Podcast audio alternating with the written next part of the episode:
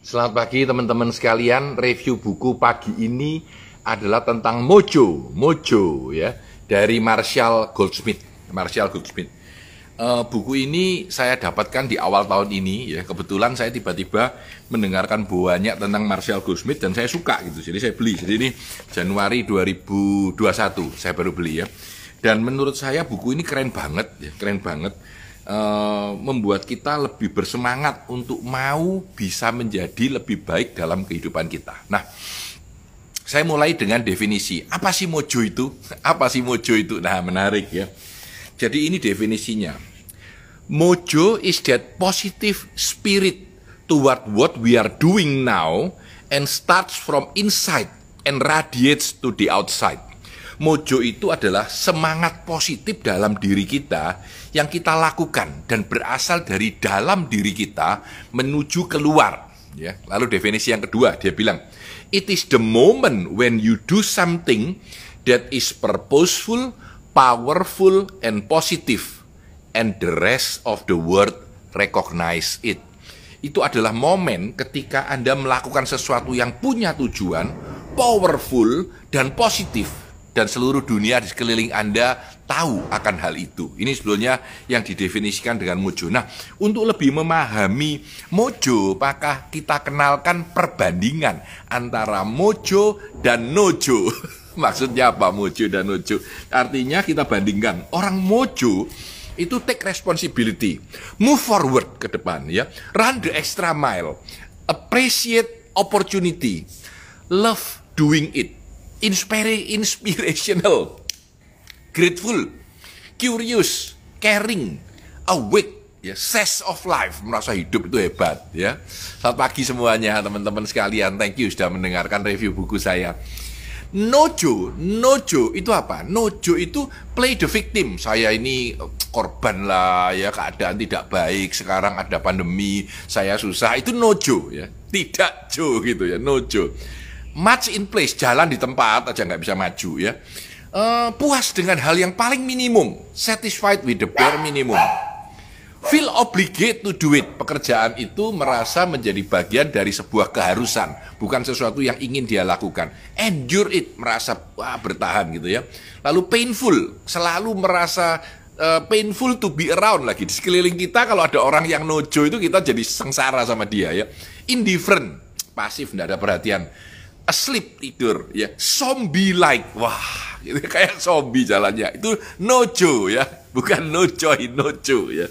Lawannya mojo ya. Jadi ini menarik menurut saya. Nah sebenarnya untuk mengukur apakah kita punya mojo atau tidak Marshall Goldsmith ya itu memberikan lima pertanyaan untuk personal atau profesi uh, lima pertanyaan untuk profesional ya. Untuk profesional dia bilang ada lima. Motivation punya atau tidak bisa diukur 1 sampai 10 ya. Knowledge pengetahuan akan apa yang sedang kita kerjakan punya atau tidak. Yang ketiga ability kemampuan kita bekerja di bidang yang sedang kita kerjakan itu. Yang keempat confident punya keyakinan apa tidak. Dan kelima authenticity autentik dengan apa yang kita kerjakan. Itu dari sisi profesional. Dari sisi personal, mojo itu diukur dengan lima ukuran juga. Yang pertama happiness. Ketika Anda mengerjakan itu happy enggak? Pagi ini saya sharing dengan teman-teman tentang review buku, saya happy banget gitu. Happiness ya. Yang kedua reward punya dapat merasa ada rewardnya. Reward tidak selalu duit ya, duit is good ya, tapi reward itu kepuasan, kebahagiaan dan seterusnya. Yang ketiga meaning, menemukan arti, makna dalam melakukan ini. Dan yang keempat, learning. Kita merasa kita belajar dan tambah lama, tambah maju. Lalu yang terakhir, gratitude atau merasa bahwa kita eh, apa namanya sudah diberkahi, kita puas dengan kehidupan dan lain-lain. Itulah scorecard. Jadi scorecardnya itu bisa diukur dengan seperti ini. Kegiatan apa pun yang Anda lakukan, Anda ukur secara profesional ataupun secara personal seperti apa. Nah, itu yang disebut dengan mojo ya. Jadi, nah ini menarik, ini menarik ya. Dia bilang gini, Marshall Goldsmith bilang gini, dia pernah dikirimin orang pertanyaan ya, apakah Anda merasa bahwa apa yang Anda lakukan itu merubah hidup orang? Wah ini keren banget pertanyaan ini ya. Jadi apakah Anda merubah hidup orang? Jadi apakah kalau saya menyeminari teman-teman tentang leadership, menyeminari teman-teman tentang coaching, apakah itu merubah hidupmu? Pertanyaannya adalah apakah behavior perilaku Anda berubah atau tidak? Apakah behavior Anda berubah atau tidak? Jadi dia Marcel Goldsmith mengajarkan sesuatu yang sangat menarik buat saya. Dia bilang ketika Anda mau mengerjakan sesuatu, pikirkan ini selama satu jam ke depan saya mengerjakan ini, apakah ini akan membawa kepuasan, kebahagiaan, sukses buat saya di saat pendek ataupun di jangka panjang. Kalau apa yang akan saya Anda kerjakan selama satu jam atau dua jam ke depan tidak memberikan kebahagiaan dan makna buat Anda pada jangka pendek dan pada jangka, panjang, berhenti lakukan itu dan lakukan hal yang lain. Keren menurut saya ya keren menurut saya. Nah teman-teman sekalian, sebenarnya ada empat tools atau empat pokok bahasan untuk membuat mojo kita tumbuh dengan hebat ya. Yang pertama, yang pertama ini keren banget, namanya identity, identity ya, identitas kita, identitas kita. Nah, waktu saya belajar tentang Sandler training di dalam sales, saya diajari tentang identity ini. Jadi, Anda harus bisa mengidentifikasikan diri Anda, apa makna Anda dalam hidup, ya apa makna Anda dalam hidup ya. Uh, saya cerita beberapa kali sama teman-teman bahwa uh, Desember 2019 saya menemukan bahwa identitas saya adalah seseorang yang mampu menginspirasi orang lain dan menunjukkan jalannya. Mungkin itu buat saya. Nah, Marshall Goldsmith itu bilang gini, kalau dia dia bilang saya membantu orang-orang sukses untuk mencapai positif dan lasting change in behavior, perubahan yang yang berkepanjangan di dalam perilaku mereka. Ini buat dia. Nah, identity ini menarik. Identity itu apa sih? Identity itu adalah bagaimana kita mengidentitaskan, mengidentifikasikan diri kita. Ya, kalau Anda mengidentifikasikan diri Anda sebagai seorang dosen, guru, ya Anda akan menjadi guru yang baik. Kalau Anda mengidentifikasikan diri Anda sebagai seorang programmer hebat, ya Anda akan menjadi programmer hebat ya. Darahnya T ya Pak, iya trainer ya. Oke, trainer dan teacher. Nah, ini menarik. Ya. Dia cerita bahwa identity itu adalah dua hal. Apa yang kita katakan tentang kita dan apa yang dikatakan orang lain tentang kita. Keren ya, apa yang dikatakan orang lain tentang kita. Nah, kalau apa yang dikatakan orang lain tentang kita itu disebut program sebentar, program identity tentang masa depan. Jadi contohnya gini, contohnya gini. Saya bicara masa lalu dulu deh, saya mundur, saya mundur, saya bicara masa lalu. Orang-orang itu memberikan identiti kepada Anda. Contohnya seorang ibu, seorang ibu bilang sama anaknya, "Kamu itu loh, anak goblok." Tidak bisa kerja, sukanya main tok. Nah, itu sebenarnya disebut dengan reflected identity. Identitas Anda yang Anda refleksikan karena orang lain bilang sama Anda. Maka itu orang tua, seorang ibu, seorang sahabat, seorang guru, seorang atasan perlu untuk memberikan sebuah reflected identity, identitas yang direfleksikan oleh karyawan itu dengan sangat positif. Jadi kalau orang orang lain bilang kamu itu loh males gitu. Nah, itu sebetulnya identitas kita yang diberikan oleh orang lain untuk masa lalu kita, untuk masa lalu kita. Ya. Sedangkan diri kita sendiri, kalau untuk masa lalu kita disebut remembered identity. Saya ingat masa lalu. Waduh, saya dulu waktu belajar berenang tiba-tiba mau tenggelam. Saya nggak berani berenang. Saya bukan orang yang bisa berenang. Saya bukan perenang. Nah itu, itu. Dan dia akan memberikan identitas pada dirinya sendiri bahwa dia bukan perenang dan dia tidak akan belajar berenang lagi. Itu identitas yang ada pada diri kita karena masa lalu kita yang kita ingat ya. Yang diberitahukan orang lain juga juga itu masa lalu. Nah masa depan ada dua. Nah ini menarik masa depan itu disebut program identity. Kalau kita sebagai seorang sales manager, kita bilang sama anak buah kita, kamu loh saya lihat berbakat loh, kalau kamu belajar lagi kamu bisa jadi sales yang hebat. Saya sudah melatih 10 orang sales selama setahun ini ya, kamu yang paling hebat, kamu pasti bisa jadi sales yang baik. Nah itu sebenarnya kita menciptakan sebuah identity buat orang itu yang disebut dengan program identity. Saya sebagai orang lain memberikan satu masukan identity kepada orang itu. Nah, kalau untuk diri kita sendiri ini yang paling penting ini disebut created identity, identitas yang kita create sendiri. Bagaimana Anda melabel diri Anda sendiri, membuat diri Anda sendiri menjadi lebih baik.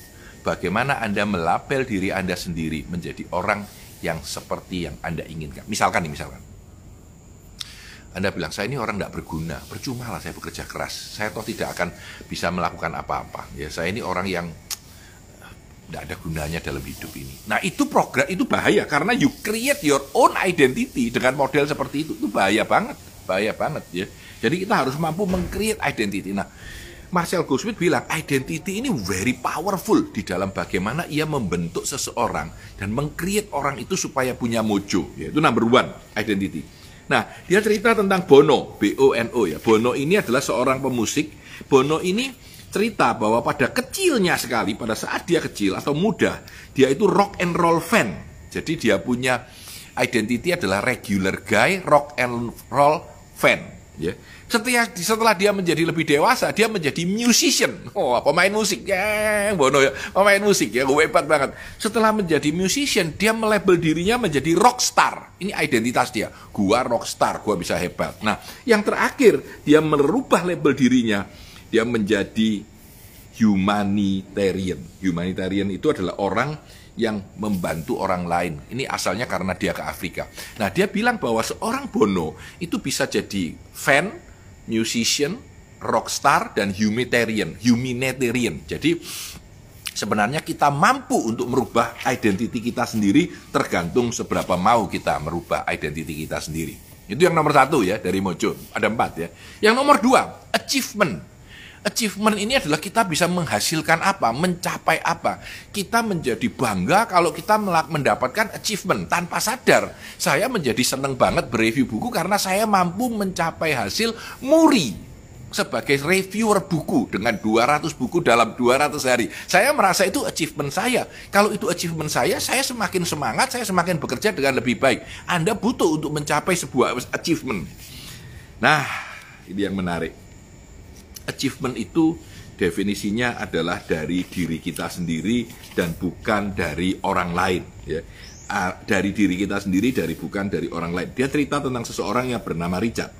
Richard ini kerja sebagai eksekutif dia dapat pekerjaan yang bagus gajinya tinggi punya mobil punya rumah dan dia dianggap uh, karyawan yang hebat oleh uh, atasannya tapi dia tidak puas. Dan dia merasa hidupnya kosong. Karena dia sebetulnya ingin menjadi penulis novel. menarik ya, menarik ya. Jadi achievement itu adalah definisi dari luar dan definisi dari diri kita sendiri dan yang paling penting adalah definisi dari diri kita sendiri. Kapan saya menganggap saya itu mencapai sesuatu hasil dalam kehidupan saya? Kapan saya itu menganggap saya mencapai achievement yang kita harapkan? Jangan mengukur achievement Anda dari orang luar. Kalau Anda mulai mengukur achievement Anda dari diri Anda sendiri, maka Anda akan menjadi orang yang lebih punya mojo dan lebih bahagia dalam hidup ini. Itu nomor dua.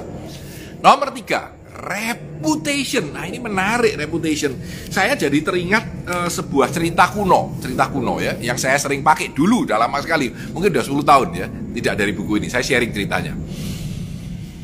Ada kutu. Kutu itu binatang kecil sedang bertanding dengan kutu yang lain. Wah mereka teman-teman dan kutu yang satu ini buang nggak kutu yang luar. Dia bilang aku adalah kutu yang paling hebat di dunia. Reputasiku adalah kutu yang paling top, kutu yang paling hebat di dalam dunia kutu sekalian. Dan dia bilang kalau kamu berani, aku sumpahi kamu akan celaka. Dia bilang gitu. Nah menarik, menarik. Jadi ketika dia marah, wah gitu ya. Wah, yang kutu satunya gue heran. Karena apa? Hutan terbelah. Ya, hutan terbelah, semuanya minggir, semuanya minggir. Ternyata dua kutu ini sedang di atas kepalanya gajah dan gajah itu sedang lari menerjang hutan gitu ya. Jadi kutu yang satu di atas kepala gajah ini mengaku bahwa itu adalah kekuatan dia. Teman-teman, sering sekali ketika Anda negosiasi sama orang, orang takut dengan Anda. Hanya sebenarnya karena apa? Karena reputasi dari perusahaan Anda, reputasi dari jabatan Anda, reputasi dari apa yang bukan Anda, tapi bukan diri Anda sendiri. Coba Anda dengar, Anda pikirkan, Anda pikirkan ya. Teman-teman. murid takut sama Anda, menghormati Anda. Karena apa? Karena Anda seorang guru yang bisa memberi nilai tidak lulus pada dia. Karena Anda bosnya yang bisa memecat dia. Karena dia atasan Anda yang bisa membuat hidup Anda susah. Ya. Itulah kehidupan kita. Jadi hati-hati. Reputasi yang terjadi kalau Anda ingin mojo Anda kuat adalah reputasi diri Anda sendiri yang memang autentik. Saya ulangi, autentik diri Anda sendiri. Dan kita butuh untuk punya reputasi itu bukan karena saya dulu selalu bilang sama dosen-dosen saya ya, boleh coba sekali-sekali ya, sebulan ini nggak ada absensi, masuk nggak masuk di dalam kelas tidak apa-apa. Coba, coba. Berapa murid yang masih mau masuk di kelas Anda? Keren. Coba. Kalau masih 80% stay dan datang di tempat Anda dan mendengarkan Anda, you are good. Tapi kalau Anda coba ngajar, lalu tidak ada absensi selama sebulan ini, lalu di dalam kelas tinggal Anda dengan satu murid aja padahal mahasiswa Anda ada 40, Anda harus mengkoreksi diri, merasa malu dan memperbaiki diri sendiri. Coba, menarik. Baik Anda guru, baik Anda dosen, baik Anda leader. Kenapa ketika Anda seorang leader, orang-orang mau datang dan nemui Anda? Ya karena kalau tidak, Anda marahi, Anda pecat, Anda lakukan. Ya. Ini reputasi. Reputasi Anda ini jauh lebih penting. Dia ada punya satu pertanyaan pendek yang sering dibawakan oleh Marshall Goldsmith dalam seminar-seminarnya.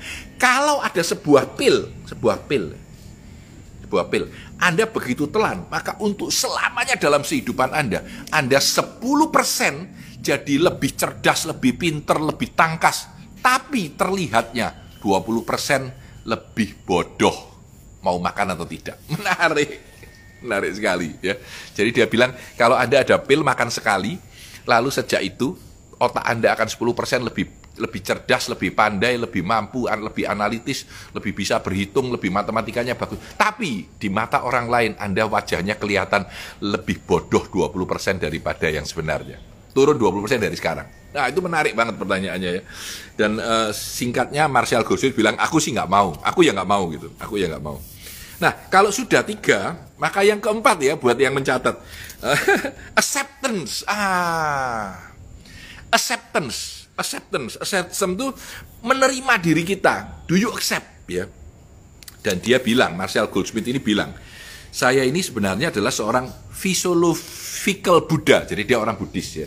Dia bilang dan menurut saya Buddha itu mengajarkan sesuatu yang paling baik itu berkata bahwa saya ini bisa happy dengan apa adanya. Saya ini bisa happy dengan apa adanya. Menarik, menarik ya. Dia bilang bahwa uh, I'm happy. Jadi ketika saya tanya, aku akan happy apa? Orang-orang selalu bilang, aku akan happy kalau punya satu miliar rupiah. Aku akan happy kalau punya rumah lebih bagus. Aku punya akan happy kalau anakku uh, bisa kuliah dengan di kampus yang baik. Aku akan happy bila aku bisa retire dan uangku banyak. Aku punya akan happy bila mana uh, aku bisa lebih kurus 20 kilo. Aku akan happy bila rumahku nggak apa cicilannya sudah lunas semua. Think about it.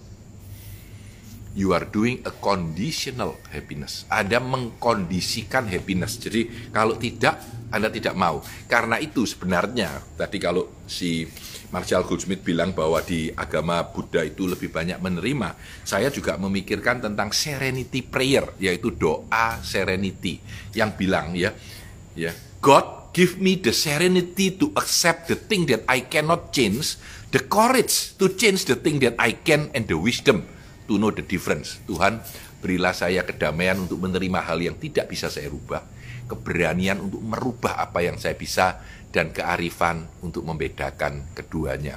Teman-teman sekalian, pada fase ini sebenarnya dia mengajarkan rasa syukur, ya, rasa syukur. Dia mengajarkan tentang let go what you cannot change apa yang tidak bisa Anda rubah sudah lepaskan ya. Ada orang yang sudah uh, ikut orang tuanya 30 tahun dan masih dimarahi dan ingin merubah orang tuanya nggak bisa dirubah sudah 30 tahun gitu. Ataupun Anda merubah suami atau istri Anda ya. Kadang-kadang kita mau merubah anak kita dan itu tidak bisa ya. Teman-teman sekalian, dia bilang bahwa acceptance kita mau menerima itu akan membuat kita menjadi jauh lebih powerful ya. acceptance itu akan membuat kita jauh lebih powerful ya jadi saya ulang kembali ada empat untuk mempermudah ya identity who do you think you are identity who do you think you are Number two, achievement. What have you done lately? What have you done lately? Dan yang ketiga, reputation. What do people think you are? Apa yang orang pikirkan tentang Anda? Dan yang keempat, acceptance. When can you let go? Something that you cannot change. Nah, teman-teman sekalian, buku ini powerful, ya menurut saya cukup menarik dan bisa menginspirasi banyak orang ya. Saya akan menutup dengan enam hal kenapa seseorang itu di sini ada enam hal. Kenapa orang itu tidak mau berubah? Ada enam hal ya. Goal achievement, Anda pingin jadi jadi seorang yang punya mojo, Anda pingin maju. Kenapa itu sering gagal? Nah, ini ada ceritanya, yaitu Marshall Goldsmith ini dengan anaknya melakukan riset yang cukup panjang. Anaknya namanya Kelly ya. Dan dia bilang ada enam hal kenapa orang gagal mencapai apa yang diharapkan. Ya. Yang nomor satu, sering-sering hal itu lebih lama dari yang kita perkirakan. It takes longer than we thought. Kalau mau sukses, mau jadi seorang coach, mau jadi seorang guru yang baik, mau jadi seorang pembicara, mau jadi seorang pebisnis, selalu membutuhkan waktu lebih daripada yang Anda harapkan. It takes longer. Number dua, it is more difficult than we thought. Ternyata ini lebih sulit daripada yang Anda bayangkan. Mau berubah itu lebih sulit dari yang Anda bayangkan ya. Karena itu kebanyakan orang gagal. Nomor dua. Yang nomor tiga, kita we have other things to do. Kita punya kerjaan lain juga gitu. Mau berubah. Contoh orang mau diet Wah coba coba, aduh sudah tiga minggu nggak ada kurusnya, nggak turun sama sekali, nggak jalan gitu ya. Itu, itu itu contohnya. Waduh beratnya. Dan kita punya kerjaan lain yang membuat kita distracted dari apa yang kita kerjakan. Itu nomor three. We have other things to do. Number four, we don't get the expected reward. Kita tidak mendapatkan penghargaan, pujian, hadiah dari apa yang diharapkan oleh kita. Itu nomor empat. Nomor lima, we declared victory too soon. Kita merasa sudah, wah bisa, lalu teman lalu merubah perilaku kita. Contoh orang mau diet, begitu sudah kurus 2 kilo, wah seneng, ayo makan-makan yuk, merayakan 2 kilo saya gitu ya. Wah itu itu problem ya, merayakan 2 kilo saya. Nah itu akan akan akan akan membuat kita lupa lagi terus jalan. Dan yang kelima, oh itu yang kelima, we declare victory too soon. Yang nomor 6, nah ini yang sakit, we have to do it forever. Buat sukses benar, we have to do it forever. Jadi nomor satu, it takes longer than we thought. Number dua, it's more difficult than we thought. Yang nomor tiga, we have other things to do. Yang nomor empat, we don't get the expected reward. We don't get the expected reward. Kita tidak mendapatkan uh, penghargaan atau reward yang kita harapkan. Nomor lima, we declared victory too soon. Kita bicara bahwa kita sudah mencapai itu padahal terlalu cepat dan itu belum ada capai. Dan yang terakhir, we have to do it forever. Kita kalau mau berubah, mau jadi kurus, kita rubah identitas kita, kita berubah, kita olahraga dan kita lakukan seumur hidup. Anda mau sukses, ya. Anda mau melatih diri, Anda harus belajar seumur hidup. Ya. Anda mau menjadi pembicara yang baik, Anda harus latihan bicara seumur hidup. Itu yang menarik. Itu yang menarik ya. Jadi karena apa? Karena kita harus membuat diri kita berubah selamanya. Dan itu menyakitkan dan menakutkan ya. We declare the factory too soon and then we have to do it forever. We have to do it forever. Thank you. Mojo. Pertanyaannya, how to get it? How to keep it? How to get it back if you lose it?